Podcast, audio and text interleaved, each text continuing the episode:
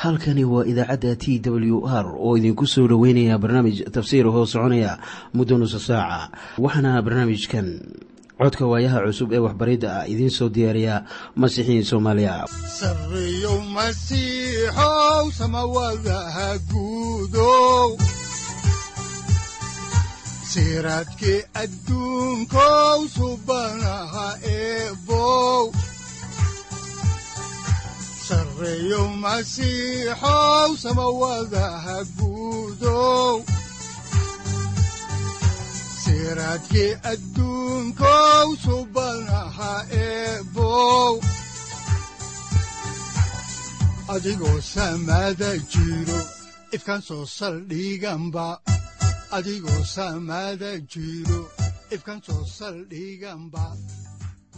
ku soo dhowaada dhegaystayaal barnaamijkeenna dhammaantiinba waxaan horay u sii ambaqaadi doonnaa daraasaadkii la magac baxay baibalka dhammaantii. Waxaannu caawa idiin bilaabi doonnaa cutubka kow iyo tobanaad ee kitaabka saddexaad ee muuse oo loo yaqaanno laawiyiinta. Balse aynu haatan wada dhegaysanno qhasiidadan soo socota oo ay inoogu luqeeyaan culimmo soomaaliyeed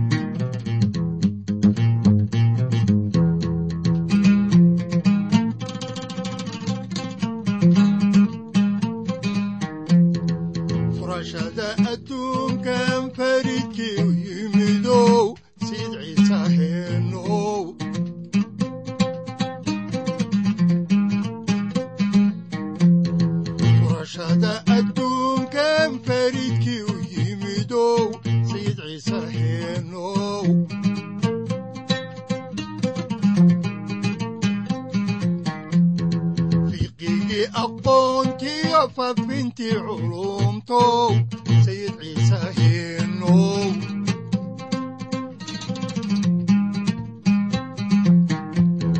fasaxeenna guud iyo farxaddeenna aakhirow sayid ciise heenow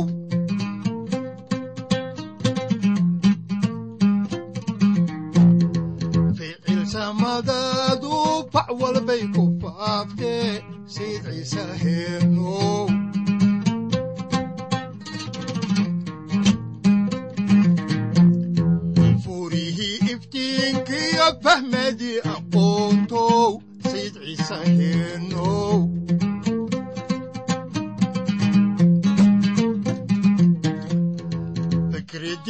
midkay fasirka lahaydow sayid ciise heenow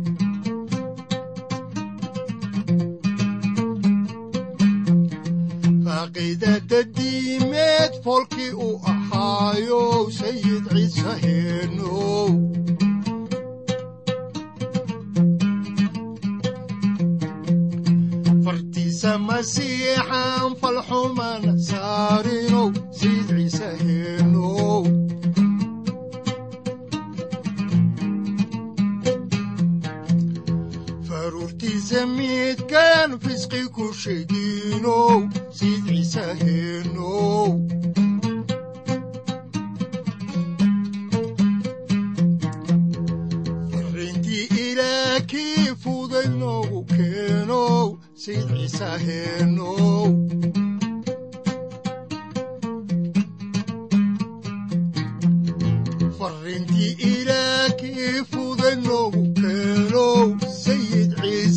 markii noogu dambaysay waxaannu ku soo gunaanadnay cutubkii tobanaad. Muuse oo aqbalay cudurdaarkii uu la yimid haaruun ee uu u sheegay inaanay cunno badan cuni karaynin wuxuu u sheegay in wiilashu ay bixiyeen qurbaankoodii dembiga islamarkaas oo ayaan suuragal ahayn inay wax kale cunaan. Haatan waxaan soo gaarnay cutubka kow iyo tobanaad. Cutubkan wuxuu ku saabsan yahay cunnada ay cunayaan dadka ilaah iyo waxyaabaha xaaraanta ah. Waxaa qisadanu ay ku qoran tahay oo kale kitaabkii shanaad ee muuse oo loo yaqaanno sharciga ku noqoshadiisa. Cutubka afar iyo tobanaad haddaba cutubkanu waa mid aan caadi ahayn. Waxaan haatan soo gaarnay gowladda ama halka kitaabkani uu ka laabmayo. Xaalku haatan wuu ka soo rogmanayaa wadaaddada oo wuxuu soo gelayaa dadka. Laga bilaabo qurbaannada dadka ay u bixiyaan ilaah iyo cunnada dadka ay cunayaan waxaa kaloo diiradda la saarayaa caabudista dadku ilaah ay caabudayaan iyo sida ay ilaah ugu hor soconayaan markay dunida joogaan. Isbeddelkanu wuxuu saamaynayaa waxa quduuska ah iyo waxa aan quduuska ahayn.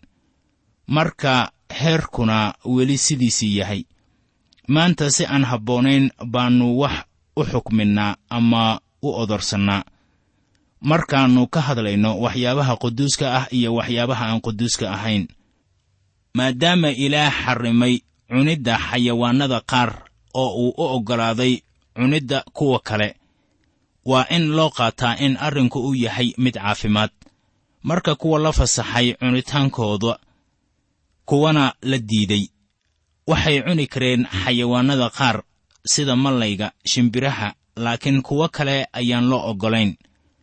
Mana ahan wax quseeya howldiimeedyo in lakala saaro xayawaanka xalaasha ah iyo kuwa aan ahayn. Maadaama ilaah faallo uu ka bixiyey xayawaanaadka qaar ee dadkiisu ay cunaan bilxaqiiqa kuwa kalena uu xarrimay in la cuno ayaa waxaa hubaal ah inay ku jirto faa'iido in la raaco tusaalaha uu ka bixinayo waxa la cuni karo iyo waxa aan la cuni karin. Taariikhda ayaa muujinaysa in ilaah uu lahaa asbaabo wanaagsan. Markii uu kala qaaday xayawaanka xalaasha ah iyo kuwa aan xalaasha ahayn.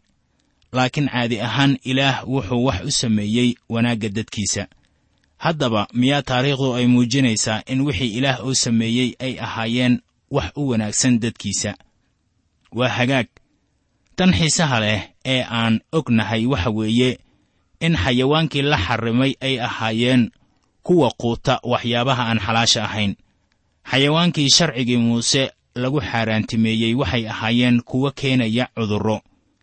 Waxaan haatan soo xiganaynaa qoraaga la yidhaahdo doctor s h clock oo arrinkaasi wax ka qoray. Wuxuuna yidhi tan ugu weyn ee baryaha kan dambe cilmi sayniska lagu ogaaday waxa weeye in xaqiiqo ahaan cudurrada badan oo ku dhaca xayawaanka ay keenaan bakteriya ama noolo aan la arkaynin cudurradaas waxay ku badan yihiin xayawaannada quuta waxyaabaha aan daahirka ahayn ama xalaasha ahayn. Marka bakteriyada laga helo xayawaanka oo dhan sidee buu muuse ku ogaaday in dhiigga xayawaanka ay ku jiraan noolayaal wata jeermiska jidhka xayawaanka ku jira? Waa hagaag. Muuse ayaan loo malaynayn inuu taasi garanayay laakiin ilaah baa u sheegay. Mar kale ayaa waxaa habboon inaan soo xiganno ninka la yidhaahdo doctor clock. Isaguna wuxuu leeyahay weliba wakhtiyadii hore markii balaayadu saamayn jirtay yurub ayaa yuhuuddu waxay ka baxsadeen cudurrada maadaama la xaaraantimeeyey kuwa quuta waxyaabaha aan xalaasha ahayn. Markaasaa waxaa bilowday shaki keenay cadho oo waxaa dadku ay ku eedeeyeen yuhuuddii inay dhib u keenayaan deriskooda oo ay ceelashii iyo durdurradii sumeeyeen. Waxaa taasi keenay markii ay arkeen yuhuuddi oo aan u dhimanaynin cudurrada dadka caadiga ahi ay u dhimanayaan. Haddaba brofesorka loo yaqaano hosmer ayaa waxa uu qoray qisada israa'iil oo dhan ayaa waxaa si weyn looga muujiyey xikmad sharcigii qadiimka ahaa ee loo soo dejiyey. Markii balaayo timaado dadka kale way ka dhib yaraayeen. Marka la eego cimrigooda iyo caafimaadkooda guud wakhti waliba waxay ahaayeen kuwi qiimi leh oo dadka ka dhex muuqda. Waa inaan aad u garannaa in dhuuninimadu la mamnuucay oo waxgarashada iyo iscelintuna ay tahay amar ay leeyihiin rumaystayaasha nimcada ku hoos jira. Haddaan intaasi ku soo ekayno faalladii dhayrayd ee ku saabsanayd waxa xalaasha ah iyo waxa xaaraanta ah ayaan haatan u leexanaynaa dulmarka cutubkan kow iyo tobanaad. Quduusnimada layska doonayo maalin waliba waxay ku qoran tahay cutubka kow iyo tobanaad iyo cutubka laba iyo tobanaad. Xayawaanka daahirka ah waa kow iyo kan aan daahirka ahayn ee berriga ayaa waxay ku qoran yihiin aayadaha hal ilaa siddeed. Labo xayawaanka daahirka ah iyo kuwa aan daahirka ahayn ee biyaha ku jira ayaa waxay ku qoran yihiin aayadaha sagaal ilaa laba iyo toban. Saddex xayawaanka daahirka ah iyo kuwa aan daahirka ahayn ee baalalayda ah ayaa iyana waxay ku qoran yihiin aayadaha saddex iyo toban ilaa sagaal iyo toban. Afar xayawaanka daahirka ah iyo kuwa aan daahirka ahayn ee ah kuwa gurguurta ayaa waxay ku qoran yihiin aayadaha labaatan ilaa saddex iyo labaatan. Shan wax ku saabsan haddii qof uu taabto bakhtiga xayawaanka aan daahirka ahayn ayaa waxay ku qoran yihiin aayadaha afar iyo labaatan ilaa siddeed iyo soddon. Lix haddii qof uu taabto bakhtiga xayawaanka daahirka ah ayaa iyana ku qoran aayadaha sagaal iyo soddon ilaa afartan toddobo. Karaahiyanimada xayawaanka gurguurta ayaa waxay ku qoran tahay aayadaha kow iyo afartan ilaa shan iyo afartan. Siddeed sida loo kala qaadayo waxa daahirka ah iyo waxa aan daahirka ahayn ee ilaaha quduuska ah xaaraantimeeyey ayaa waxay ku qoran yihiin aayadaha afartan iyo lix ilaa afartan iyo toddobo. Haddaba aannu ku bilowno maaddada ku saabsan xayawaanka daahirka ah iyo kuwa aan daahirka ahayn ee ka mid ah xayawaanka dhulka. Haatan aynu si toos ah idinku bilowno xigashada kitaabka laawiyiinta cutubka kow iyo tobanaad aayadaha kow ilaa labo. Waxaana qoran sida tan. Markaasaa rabbigu la hadlay muuse iyo haaruun oo wuxuu ku yidhi reer banu israa'iil la hadla oo waxaa ku tidhaahdaan kuwanu waa waxyaalaha noolnool oo aad ka cunaysaan xayawaanka dhulka jooga oo dhan. Ilaah wuxuu halkan dhigay diilin u dhaxaysa ilayska iyo gudcurka habeenka iyo maalinta. Waxa cad iyo waxa madow waxa quman iyo waxa qaldan waxa nadiifka ah iyo waxa aan nadiifka ahayn. Marka ay sidaas tahay ilaah waa kan keena farqiga u dhexeeya ilayska iyo mugdiga ama gudcurka. Ilaah baa go'aansaday inuu sare u qaado garaadka dabiiciga ah ee qofka si qofku uu u dareensanaado waxyaabaha rabbigu uu kala dhigay. Carshigan aynu ku nool nahay waa kiisii miyaad garanaysaa sharciyo ka wanaagsan kuwii uu isagu sameeyey? Wuxuu sharciyo u sameeyey qaabka muuqda ee dunida eh. Haddaba dadku waxay ku nool yihiin duni dembi miidhan ilaahna wuxuu u baahan yahay in tan la aqoonsanaado waa in dadku laba hal ay kala doortaan. Haddaan dib ugu noqonno kitaabka laawiyiinta cutubka kow iyo tobanaad aayadda saddexaad ayaa waxaa qoran wax alla wixii xayawaan ah oo raafkoodu kala jeexan yahay oo qanjaafillo leeyahay oo calyanaqsiga raamsado waa inaad cuntaan. Kanu waa sharciga ay tahay in la raaco si loo go'aansado xayawaanka la cunayo. Waxaa mar kale sharcigan lagu soo celiyey kitaabkii shanaad ee muuse oo la yidhaahdo sharciga ku noqoshadiisa cutubka afar iyo tobanaad aayadda lixaad. Isla cutubkaas wuxuu qorayaa in xayawaanka la cunayo uu noqonayo dibida idaha riyaha deerada cawsha dibtaagta garanuugta biciidka iyo aridibadeedka kitaabka laaweeyiinta qaynuunka iyo sharciga ayaa laynagu siinayaa tusaale gaaban oo ku saabsan xayawaanka aan daahirka ahayn. Kitaabka sharciga ku noqoshadiisa qaynuunka iyo sharciga la adkayn maayo laakiin waxaa la ballaarinayaa magacyada xayawaanka daahirka ah kuwaasoo tiradoodii kor loo qaaday. Kitaabka laawiyiinta wuxuu adkaynayaa waxyaabaha diidmada ah ama la mamnuucay kitaabka laawiyiinta kala qaybsanaanta u dhaxaysa waxa daahirka ah iyo waxa aan daahirka ahayn ayaa si muuqata loo xardhayaa. Inkastoo taasu ayan ahayn sharci cusub kala socnayntanu kuma iman ama qusayn mayso xagga jidhka laakiin waa wax ku saabsan caafimaadka.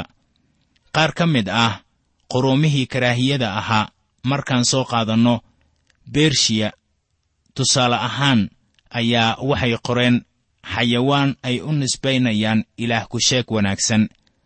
Kuwana waxay leeyihiin waxaan samaynay ilaah ku sheeg xun. Haddaba ilaah baa abuuray xayawaanka oo dhan welibana dabeecadda xayawaanka keeni mayso inay matasho dembi ama wanaag taasoo keenaysa kala soocnin. Tusaale ahaan libaaxu waa xaaraan in la cuno ama daahir uma ahan cunitaanka waxaase uu haddana u taagan yahay sayid ciise masiix waana calaamadda ay leeyihiin qabiilka reer yuhuuddah oo ka tirsan reer banu israa'iil. Taasina waa sababta masiixa loogu yeedho libaaxa qabiilka reer yuhuuddah haddaba in sharciga rabbiga laga fakaro habeen iyo maalinba ayaa tusaale ahaan loogu qaadanayaa xoolaha cayalyanaqsanaya oo wixii ay cuneen mar waliba soo gaaxanaya innana waxaa laynaga doonayaa in wixii aannu akhrinnay ay inagu soo gaaxdaan had iyo goorba. Waxaanay faa'iido u tahay rumaystayaasha. Isla sidoo kale xayawaanka raafafkoodu jeexan yihiin ayaa ka hadlaya rumaystaha la fogeeyey. Waxaa ku qoran warqaddii rasuul bawlos uu u qoray dadka efesos cutubka afaraad aayadda koowaad sida tan. Waxaan idinka baryayaa inaad yeeristii laydinku yeedhay ugu socotaan si istaahil ah. Waxaa kaloo ku qoran efesos cutubka shanaad aayadda labaad iyo aayadda shan iyo tobanaad sida tan soo socota ee leh jacaylku socda siduu masiixuba idin jeclaa oo uu nafsaddiisii inoogu bixiyey inuu ilaah u ahaado qurbaan iyo allabari oo uu ahaado caraf udgoon. Haddaba ka digtoonaada sidaad u socotaan oo ha u soconina sida kuwa aan caqliga lahayn laakiinse u socda sida kuwa caqliga leh. Haddaan taasi halkaa ku dhaafno ayaan eegaynaa kitaabka laawiyiinta cutubka kow iyo tobanaad aayadaha afar ilaa siddeed. Waxaana qoran sida tan. Habase yeeshee kuwan oo ka mid ah kuwa calyanaqsiga raamsada oo raafka jeexan leh waa inaydnaan cunin kuwaasoo ah geela. Maxaa yeelay calyanaqsiga wuu raamsadaa laakiinse raafkiisu ma kala jeexna. Haddaba isagu waa idinka nijaas oo waladana ha cunina. Maxaa yeelay iyadu calyanaqsiga way raamsataa laakiinse raafkeedu ma kala jeexna. Haddaba iyagu waa idinka nijaas oo bakaylahana ha cunina maxaa yeelay isagu calyanaqsiga wuu raamsadaa laakiinse raafkiisu ma kala jeexna. Haddaba isagu waa idinka nijaas. Doofaarkana ha cunina maxaa yeelay isaga raafkiisu waa kala jeexan yahay oo qanjaafillow leeyahay laakiinse calyanaqsiga ma raamsado. Sidaas daraaddeed isagu waa idinka nijaas. Haddaba kuwaas hilibkooda waa inaydnaan cunin oo bakhtigoodana waa inaydnaan taaban. Maxaa yeelay iyagu waa idinka nijaas.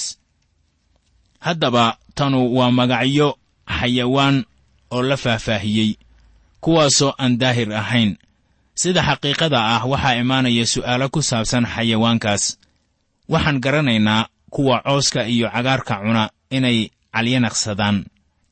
Tanina waxay mamnuucaysaa xayawaanaadka hilibka cuna ilaah wuxuu kaloo mamnuucay cunitaanka hilibka geela. Waxaa laga yaabaa in dadka qaarkii yidhaahdo oo yaa cuna geela. Miyaanay kula ahayn intaasu ay keenayso wax lagu qoslo markii sayidkeennu uu ku eedeeyey farrisiinta inay kaneecada iska miiraan ay oorkuna liqaan. Ma ahan in geela cunistiisu ay tahay karaahiyo laakiin weliba geelu waa xayawaan daahir ah haddaba xayawaanka la yidhaahdo koni waa mid la mid ah bakaylaha wuxuuna ku nool yahay dhulalka dhagaxyada ah. Haddaba waa wax xiise leh inay jiraan kuwa adkaynaya inaan doofaarka la cunin. Dadka caynkaas ah ma yidhaahdaan yaan bakaylayaasha la cunin. Doofaarku qanjaafilo waa leeyahay laakiin ma calya naqsado doofaarku wuxuu u muuqdaa inuu had iyo goor wax cuno. Laakiin calyanaqsiga ma lahan waxaase xiise leh in doofaarka hilibkiisa uu yahay. Mid aan dhaqso caloosha uu burburin. Doofaarku waa xayawaan aan daahir ahayn oo weliba markii ay wax cunayaanna wasakhda ayay cunaan. Haddaba israa'iil waxaa laga xaaraantimeeyey inay taabtaan bakhtiga xayawaanka dhinta. Haddaba macluumaadka ruuxiga ah ee ku jira arrinkaasi ayaan sinaba looga dheeraan karin ama layska indhatiri karaynin. Haatanna aynu eegno maaddada ah xayawaanka daahirka ah iyo kan aan daahirka ahayn ee biyaha hoostooda ku jira. Haddaan halkii ka sii wadno kitaabka ayaa waxaa ku qoran kitaabka laawiyiinta cutubka kow iyo tobanaad aayadaha siddeed ilaa laba iyo toban sida tan waxa biyaha ku dhex jira oo dhan kuwan ka cuna. Wax alla wixii baalal iyo qolfo leh oo ku dhex jira biyaha iyo badaha iyo webiyada cuna. Laakiinse wax alla wixii aan baalal iyo qolfo lahayn oo ku dhex jira biyaha iyo webiyada iyo waxa biyaha ku dhex dhaqdhaqaaqa oo dhan iyo kulli waxyaalaha noolnool oo biyaha ku dhex jira oo dhammu waa idinka karaahiyo. Haddaba iyagu waa inay karaahiyo idinka ahaadaan. Idinku waa inaydnaan hilibkooda cunin oo bakhtigoodana waa inuu karaahiyo idinka ahaado. Wax alla wixii biyaha ku dhex jira oo aan lahayn baalal iyo qolfo waa idinka karaahiyo. Waxaa halkan yaalla diillin kala qaybinaysa xitaa xayawaanka badda iyo kalluunka daahirka ah waa in laga eegaa laba calaamadood. Waa baalal iyo qolfo si markaasi loo hubiyo inay daahir yihiin. Sharcigan wuxuu quseeyaa kalluun webiyeedka iyo weliba kan biyaha cusbada leh ee badda ku nool. Xayawaanka gurgurta ee badda ku jira ayaa isna la xaaraantimeeyey waxaana taasu ay keenaysaa in xayawaan badan oo badda ku jira la mamnuuco cunitaankooda waayo kuwa gurgurta ayaa biyaha kaga badan kuwa kale. Haddaba intaas ayaa laga eegayaa oo tusaale kale laynagama siinin xayawaanka biyaha ku nool.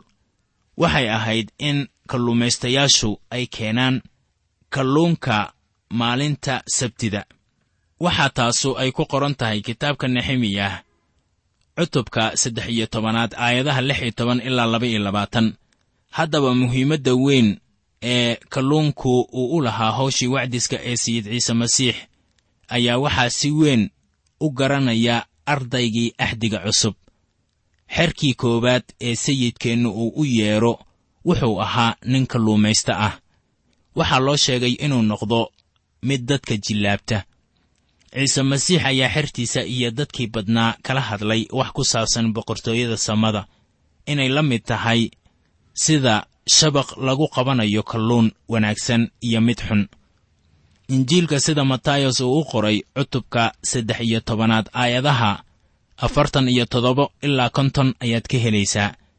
Maxay noqonaysaa kalluunkii wanaagsanaa iyo kii xumaa ma ahan in kalluunka wanaagsanu uu weyn yahay ama yar yahay laakiin waxaa loo eegayaa sida sharciga laawiyiintu uu yahay haddaan caawa halkaasi ku soo gunaanadno faallada kitaabka laawiyiinta ayaan idin xaqiijinayaa inaad habeen dambe maqli doontaan barnaamij la mid ah kan aydun caawa maqasheen. Barnaamijyadeennu waa kuwo waxbarasho oo dadka lagu barayo inay dhug iyo dhiifoonaanba u lahaadaan kitaabka ilaah ee baibalka. Waxyaabo murti ah ayaad kala soo bixi doontaan haddii aad caadaysataan barashada hadallada ilaah ama maqalkaba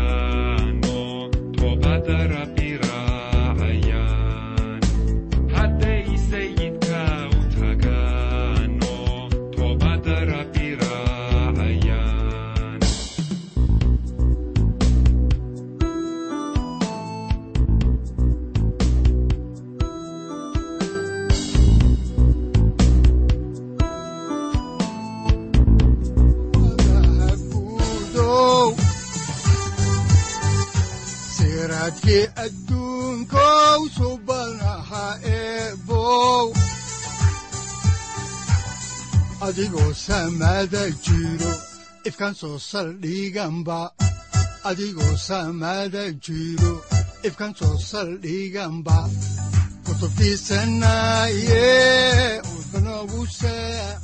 halkani waa t w r idaacadda t w r oo idinku leh ilaa ha idin barakeeyo oo ha idinku anfaco wixii aad caawi ka maqasheen barnaamijka. Waxaa barnaamijkan oo kalaa aad ka maqli doontaan habeen dambe hadahan oo kale haddiise aad doonaysaan in aad fikirkiina ka dhiibataan wixii aad caawi maqasheen ayaad nagala soo xiriiri kartaan som t w r at t w r c o k e haddii aad doonaysaan in aad dejisataan oo kaydsataan barnaamijka ama aad mar kale dhegaysataan fadlan mar kale booqo www t w r o r g amase waxaad teleefoonkaaga ku kaydsataa ama ku download garaysataa agabyada ku sahli karaa dhegeysiga t w r haddii aad doonayso in laga kaalmeeyo dhinacyada fahamka kitaabka amase aad u baahan tahay duco fadlan fariimahaaga soo mari bogga aaraahda ama kommentska inana jawaab degdeg ah ayaanu ku soo diri doonaa amase ku siin doonaaye